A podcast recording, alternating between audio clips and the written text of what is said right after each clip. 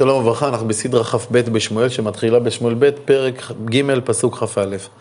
בסדרה הקודמת ראינו כי לאחר ויכוח בין אבנר לאיש בושת, אבנר כורת ברית עם דוד, שעניינה אה, להעביר תמיכת ישראל למלכותו של אה, דוד.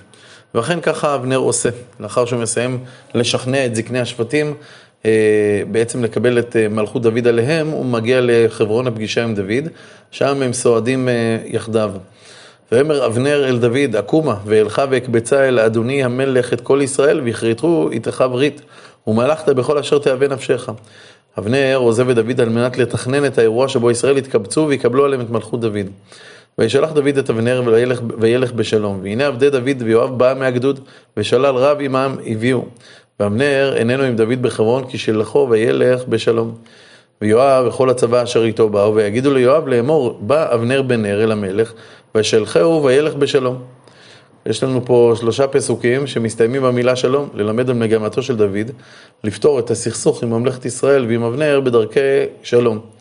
אבל יואב בן צוריה לא מאמין בסיפור הזה, הוא מאמין בהכרעה בכוח בלבד. כשהוא שומע שאבנר היה בחברון ונשלח משם בשלום, הוא כועס מאוד. ויבוא יואב אל המלך ויאמר, מה עשית? הנה בא אבנר אליך, למה זה שילחתו? וילך הלוך, ידעת את אבנר בן נר כי לפתותך בה, ולדעת את מוצאך ואת מובאיך, ולדעת את כל אשר אתה עושה. יואב טוען בפני דוד כי אבנר הגיע על מנת לרגל. דוד בוודאי מנסה להסביר ליואב שהוא טועה, אבל דבריו של דוד אינם נשמעים באוזני יואב, ועל כן גם אנחנו איננו שומעים אותם. האם באמת יואב חשב שאבנר בא על מנת לרגל, או שהוא פחד שמעמדו יתערער אם אבנר יצטרף לדוד, או שאולי הרצון לנקמת דם אחיו דיברה מתוך גרונו, ויכול להיות שכל אלו שימשו בערבוביה אצל יואב, נראה בהמשך. ויצא יואב מעם דוד, וישלח מלאכים אחרי אבנר, וישיבו אותו מבור הסירה, ודוד לא ידע. אבנר בוודאי חשב שדוד רוצה שיחזור על מנת לומר לו משהו, אבל כל זה היה ללא ידיעת דוד. יואב שולח שליחים, מחזיר את אבנר בחזרה לחברון. וישוב אבנר חברון, ויתהו יואב אל תוך השער לדבר עמו בשלי, ויכהו שם החומש, וימות בדם עשאל אחיו. יואב קורא אה, לאבנר לדבר איתו בשלווה בשער, ואז הוא הורג אותו על ידי פגיעת חרב באותו מקום שבו נפגע עשאל אחיו. הכתוב מגלה לנו שהמוטיבציה של יואב לא הייתה חשש שאבנר מרגל, אלא הרצון שלו לנקום את מות אחיו. את מות אחיו. דוד שומע את מעשה נקמת הדם, שמאיים על רצונו של דוד לאחד את אה, ישראל בשלום תחת מלכותו, כפי שהקדוש ברוך הוא ציווה ביד שמואל. לכן דוד מקלל את יואב על שהוא הרג את אה, אבנר. וישמע דוד מאחרי כן, ויאמר נקי אנוכי וממלכתי מעם אדוני עד עולם, מדמי אבנר בן נר, יחולו על ראש יואב ועל כל בית אביו, ואל יכרת מבית יואב זב ומצורע ומחזיק בפלך ונופל בחרב וחסר לחם. קללה היא שמבית יואב יהיו טמאים, טומאת זהב ומצורע, מחמת מחלה ברגליהם יהלכו רק עם מקל הליכה, פלך, ויהרגו בחרב ויהיו עניים. ובמשיך הפסוק ואומר, ויואב ואבישי, אחיו, הרגו לאבנר על אשר המית את עשאל אחיהם בגבעון במלחמה. הכתוב מלמד כי אבישי אחי יואב השתתף בהרגת אבנר, וכן שנקמת הדם הייתה שלא כדין, שהרי אבנר הרג את עשאל במלחמה, והם הרגו בעת שלום. דוד רוצה מאוד להפגין את שעת נפשו מרצח אבנר על ידי מנהגי אבילות פומביים. ויאמר דוד אל יואב ואל כל העם אשר איתו, קראו בגדיכם וחגרו שקים וספדו לפני אבנר, והמלך דוד הולך אחרי המיטה. ויקברו את אבנר בחברון, וישא המלך את קולו, ויפק אל קבר אבנר, ויבכו כל העם. קוברים את אבנר בחברון, ממש צמוד למערת המכפלה, עד היום הקבר אה, נמצא שם. ויקונן המלך אל אבנר ויאמר, ויאמר, הכמות נבל ימות אבנר, יד, ידיך לא אסורות ורגליך לא לנחושותיים הוגשו, כי נפול לפני בני עוולה נפלת. כלומר, כיצד אבנר הגיבור נהרג כפושע, למרות שהוא לא היה אסור בידיו וברגליו כפושע, שהרי הוא היה אדם ישר וצדיק. בכיו של דוד עושה רושם עצום על כל העם, ויוסיפו כל העם לבכות עליו, ויבוא כל העם לעברות את דוד לחם בעוד היום. כלומר, העם בא לתת, לתת סעודה קטנה, כמו שנוהגים אה, לתת לאבלים אחר הקבורה. אה, רוצים להאכיל את דוד, אבל דוד מודיע שהוא לא רוצה לאכול כלל. וישבע דוד לאמור כה יעשה לי אלוהים וכה יוסיף, כי אם לפני בוא השמש אתם לחם אכול מאומה. אני הולך לצום עד הלילה. העובדה שאכן יד דוד לא הייתה במעל הייתה אם כן ברורה לכולם. וכל העם הכירו, והייתה ביניהם ככל אשר עשה המלך בעיני כל העם טוב. וידעו כל העם וכל ישראל ביום ההוא כי לא הייתה מהמלך להמית את אבנר בן נר. כלומר, היה ברור לכולם שהמלך דוד הוא לא זה ששלח את אה, יואב להרוג את אבנר. גם בפורומים פנימיים יצא דוד כנגד יואב, וגם הסביר מדוע מדוע הוא לא פגע במעמדו של יואב לאחר חטאו. ויאמר המלך אל עבדיו, הלא תדעו כי שר וגדול נפל היום הזה בישראל, ואנוכי היום רך ומשוח מלך, והאנשים האלה, בני צרוריה, קשים ממני, ישלם אדוני לעושה הרעה כרעתו. כלומר, אני רק בתחילת הדרך, אני לא יכול להשתלט על בני צרוריה. וישמע בן שאול כי מת אבנר בחברון וירפו ידיו וכל ישראל נבהלו. מותו של אבנר גרם להתמוטטות מורלית אצל איש בושת. ושני אנשים שרי גדודים היו בן, היו בן שאול, שם האחד בענה ושם השני ריחב, בני רימונה בארותים מבני בנימין. כי גם בארות תחשב על בנימין ויברחו הבארותים גיתה עמה ויהיו שם גרים עד היום הזה. כעת אנחנו נפגשים בשני מפקדי גדודים, אה, אחים בצבא שאול, בבני משפחתו, שגרו בבארות, אולי היום אלבירה. אותם שני מפקדי גדוד יהרגו עוד מעט את איש בושת, אבל לפני זה הכתוב רוצה לומר לנו שאיש בושת הוא הסיכוי האחרון לממלכת שאול, כיוון שהנכד היחיד שהיה לשאול היה נכה.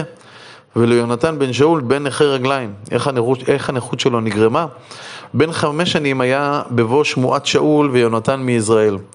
ותישאו אומנתו ותנוס. כלומר האומנת שלו ששמע כיצד שאול והסבא ויונתן האבא אה, מתו בקרב וכיצד כל צבא ישראל אה, קרס, אז האומנת אה, בורחת, ויהי בחפזה לנוס ויפול ויפסח, ושמו מפיבושת. התינוק נפל, נפגע, והפך להיות לנכה. נחזור לאותם שני ראשי גדודים, וילכו בני רימונה בארותי רחבו בענה ויבואו כחום היום אל בית איש בושת, והוא שוכב את משכב הצהריים. והמה באו עד, עד תוך הבית, לוקחי חיטים, ויכו אל החומש. ורחבו בענה אחיו נמלטו, ויבואו הביתה, הבית, והוא שוכב על מיטתו בחדר משכבו, ויכו והמיתו, ויסירו את ראשו, ויקחו את ראשו, וילכו דרך הערבה כל הלילה. עכשיו, מה קורה כאן? מה זה לוקחי חיטים? יש פה לכאורה גם כפילות של הפסוקים. אז כמה פירושים יש לפסוקים הללו? המצודות למשל אומר שהם התחזו, שרחב ובענה התחזו למוכרי חיטים. הפירוש הזה הוא קשה, למה להם להתחזות? הרי הם מפקדים, מפקדי גדוד, הם נאמנים על איש בושת. המלבים אומר שבהתחלה מסופר כיצד רחב ובענה הגיעו בזמן שינת הצהריים של איש בושת לביתו, ואז במאמר מוסגר הכתוב מספר שבעבר שני החבר'ה האלה כבר רצחו סוחרי חיטים בביתם כשהם אה, דקרו אותם אל החומש. ולכן הם נמלטו מבארות לגת, ואז חוזרים, מספרים לנו שאת אותו רצח ממש, הם שחזרו כשהם הורגים את איש בושת. יש פירושים נוספים לפסוקים האלה, אבל אין אני יכול לפורטם. בין כך ובין כך, לאחר שרצו את איש בושת, הם כורתים את ראשו ומביאים אותו לדוד.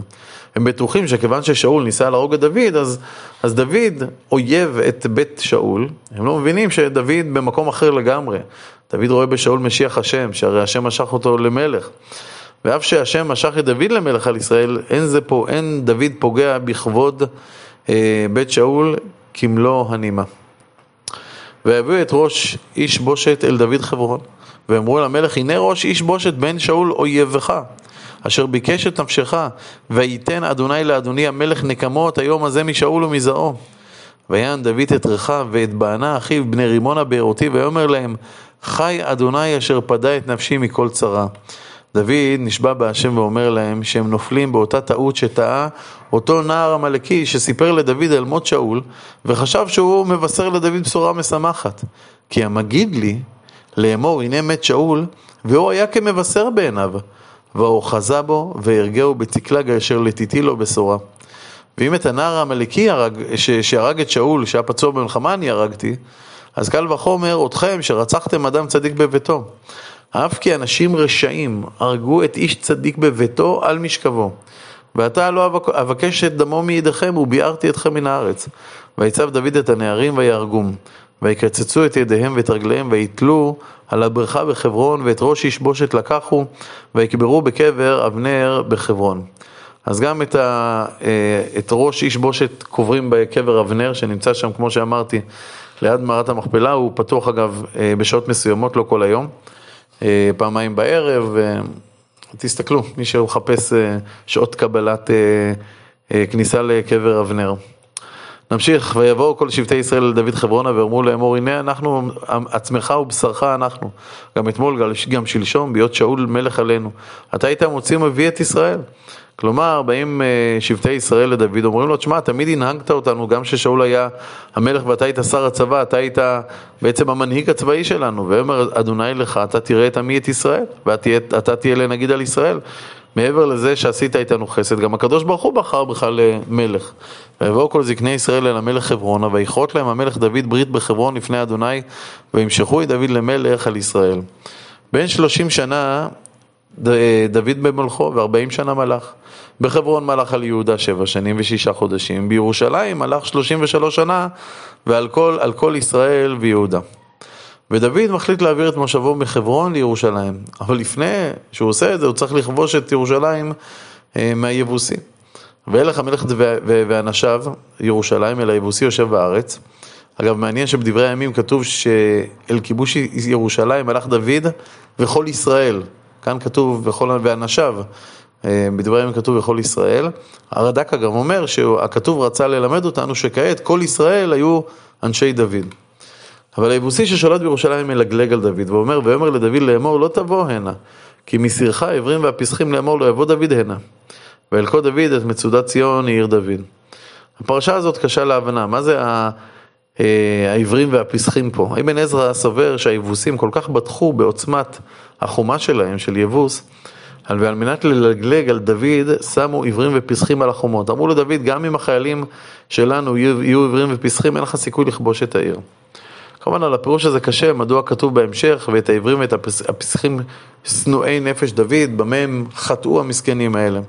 ולמה אחר כך, אה, עוד מעט נקרא פתגם, עיוור ופיסח לא יבוא אל הבית? שם גם עיוור ופיסח מישראל, מה, מה, מה, מה הסיפור? לא ברור. רש"י אומר שעברים והפסחים הם פסלים של עבודה זרה של היבוסים. זה כמובן כינוי גנאי שהנביא נותן לפסילי העבודה הזרה שלהם. הם, הם מכריזים שאי אפשר לכבוש את אה, יבוס כי העבודה הזרה שלהם מגינה עליהם. ועל כן דוד מצווה להכרית את אותם פסילי עבודה זרה. יש עוד פירושים, אבל נסתפק בזה. ויאמר דוד ביום ההוא כל מכה יבוסי ויגע בצינור ואת העברים ואת, הפס... אה, ואת הפסחים ואת העברים שנואי נפש דוד. על כן יאמרו עיוור ופיסח לא יבוא אל הבית. אז איך כובשים את העיר? אומר דוד, כל מי שמכה יבוסי ויגע בצינור. גם בזה פירושים רבים, נביא רק שניים. אז רש"י סובר שהצינור זה המגדל הגבוה במצודה, ששם שמו את הפסלים של העבודה הזרה שלהם, ודוד רצה כמובן שיגיעו לראש המגדל הזה וישמידו את פסלי העבודה הזרה, שאיתם היבוסים כל כך uh, התגאו. היו שרצו להסביר שהצינור זה, זה פיר להובלת מים, מה שנקרא היום בפינו אה, פיר וורן, ודרכו אפשר היה להיכנס לעיר ולפתוח את, אה, את השערים שלה מבפנים. בין כך ובין כך המצודה נופלת ביד דוד. וישב דוד במצודה ויקרא לעיר דוד, ויבן דוד סביב מן המילוב הביתה. עד כאן סוף הסדרה, ונסיים עוד אה, בפסוק אחד. וילך דוד הלוך וגדול, ואדוני אלוהי צבאות עמו. כל טוב להתראות.